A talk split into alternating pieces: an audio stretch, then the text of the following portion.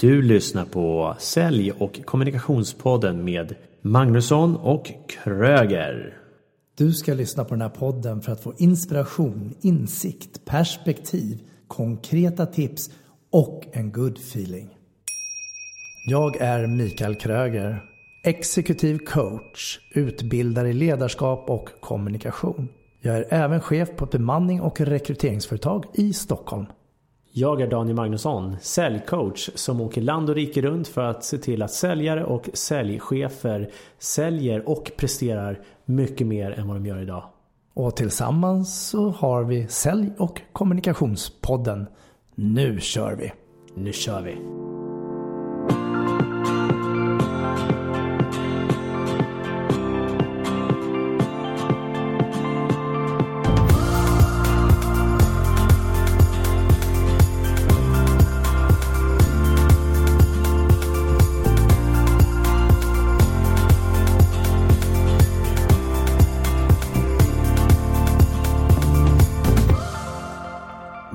Välkomna till avsnitt 17.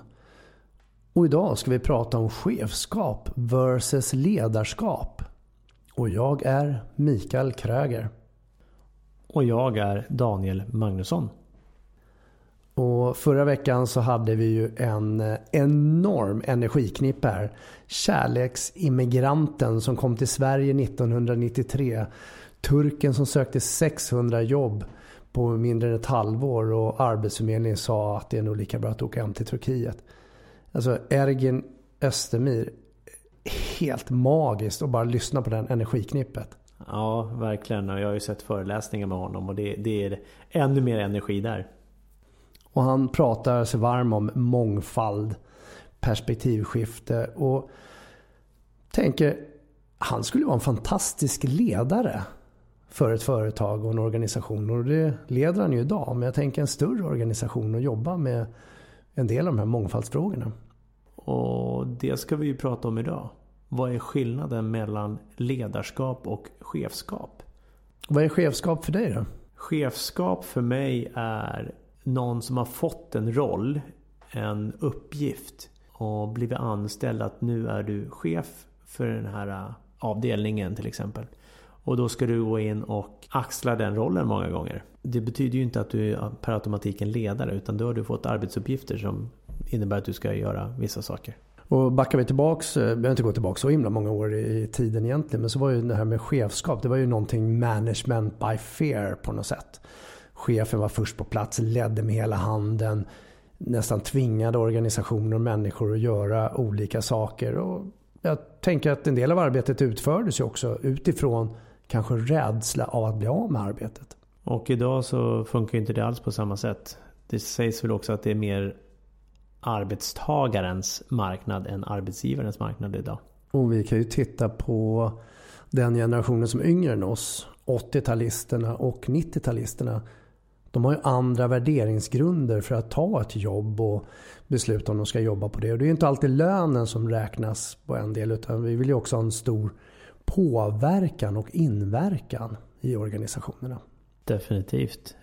Vårat egna varför måste, och värderingarna måste hänga verkligen mer ihop med företaget för att eh, folk ska trivas. Om du skulle definiera för dig vad bra ledarskap är, vad skulle du säga då?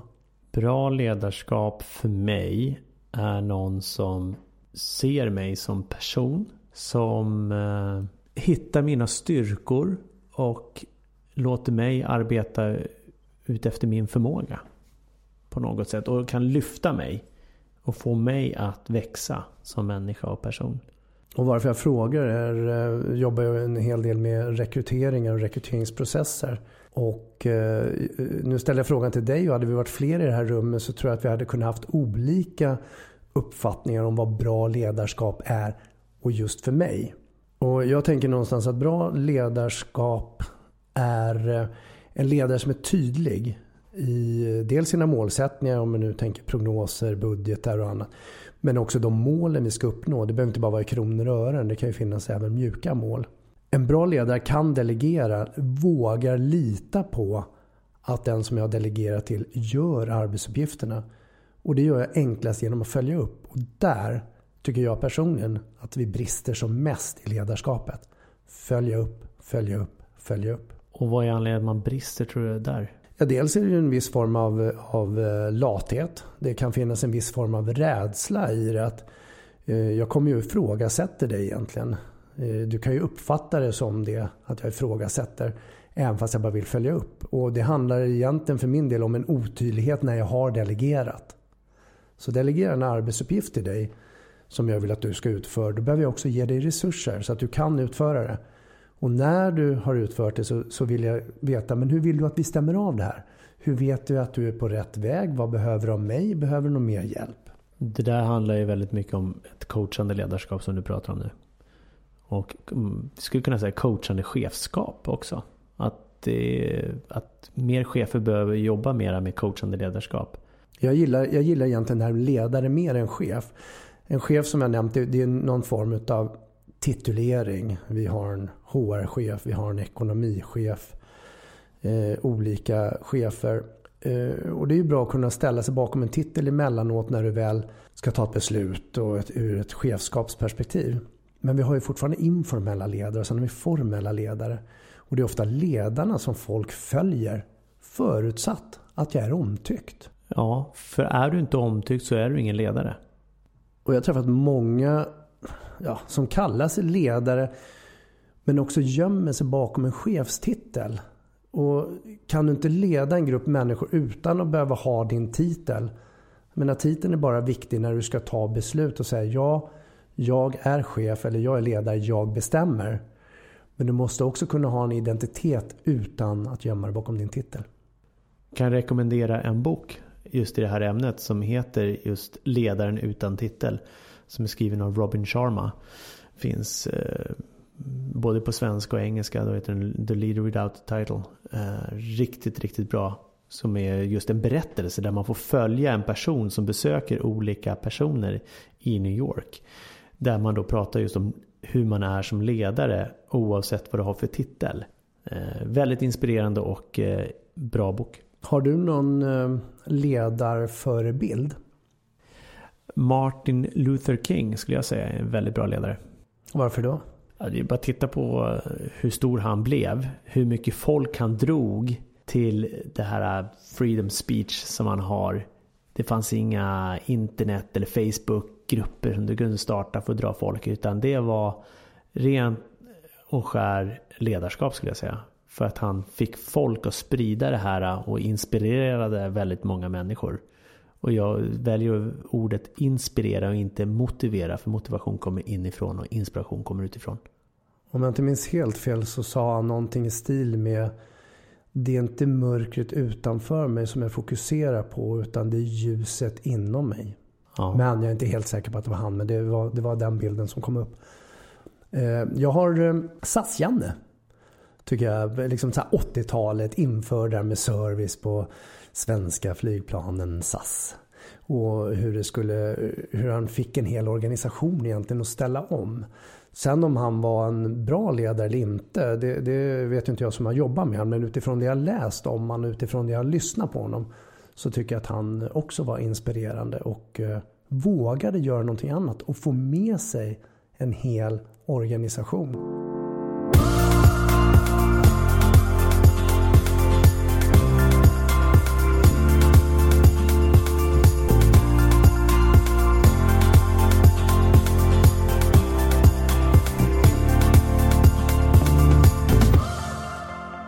För mig är det viktigt. En, en eh, bra ledare, en person som ska leda en organisation. Egentligen så handlar det om att jag leder andra genom mig själv.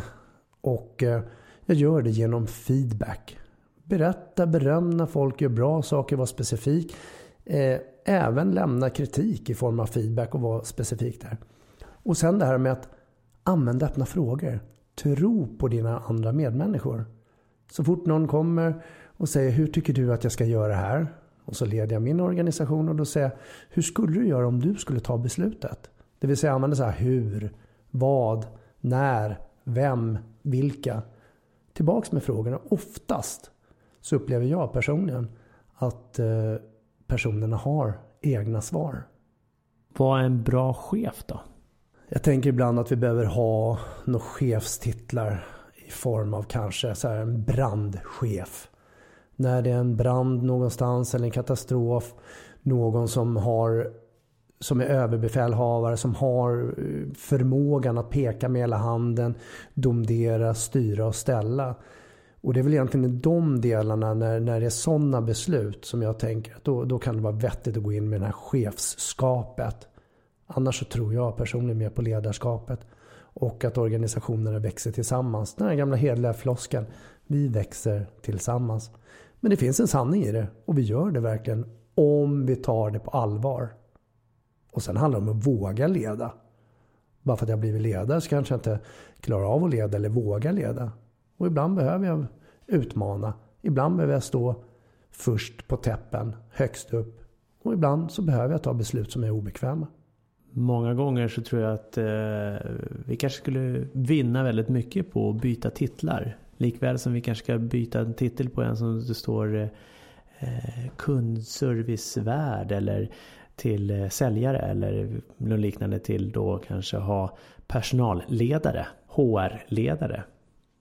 Jag hörde också det här CEO, Chief Executive Officer som det heter på engelska kunde man byta till Chief Emotion Officer. Mm. För att det är känslor du styr över. Och du behöver styra över dina egna känslor. Och du behöver också se till att skapa känslor hos de andra du jobbar med.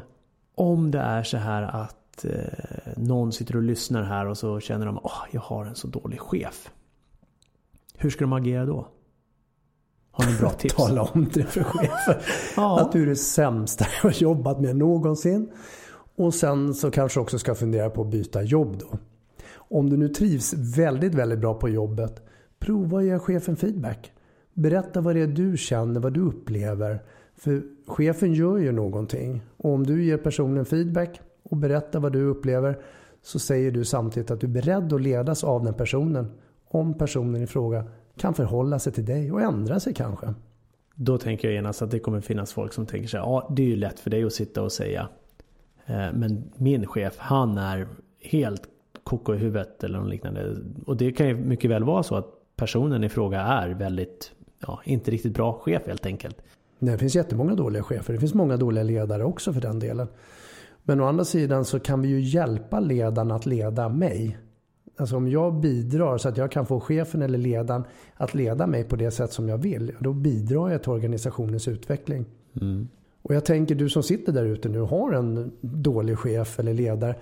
Men gå in på magnussonkroger.se så går in på skicka en fråga till och så berätta om din chef, ledare. Så kan vi ta upp det som samtalsämne. Utan att nämna namn såklart. Självklart. Och det är alltid också, vad är en dålig chef? För det är likväl som att du har eh, chefer och ledare som tittar ner på personalen och gärna skyller ifrån sig på att det går dåligt. Att det är då eh, personalen som är dålig. De levererar inte. Nej, okej. Okay. Det kanske gäller att titta på sig själv också som ledare. Framförallt om man tittar i säljorganisationer är det väldigt lätt. Och säljarna levererar ju inte. Men du har inte bättre personal än vad du själv är som ledare eller, eller chef. Så du behöver ju föregå med gott exempel. Och du behöver ju också visa hur det ska kunna gå till. Gör personalen bättre också så att du kan leda dem. Men led genom dem själva. Se till att delegera. Låt var och en ta ansvar och växa in i det. Jag menar, även om jag har en jättebra idé som jag vill ha igenom som ledare i organisationen. Så är det enklare för mig om min bra idé, om jag kan få dig att berätta den bra idén för mig genom att så små frön eller ha ett coachande förhållningssätt och locka fram det.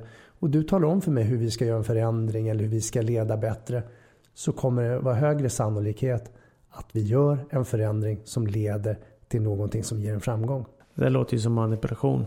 Att du går in med en dold agenda. Ja, vi får väl kalla det manipulation om vi vill och det har vi avhandlat i några av de andra avsnitten. Men för mig är det coachande förhållningssätt, alltså coachande ledarskap. Jag har inte alla svaren. Jag som ledare behöver absolut inte vara expert.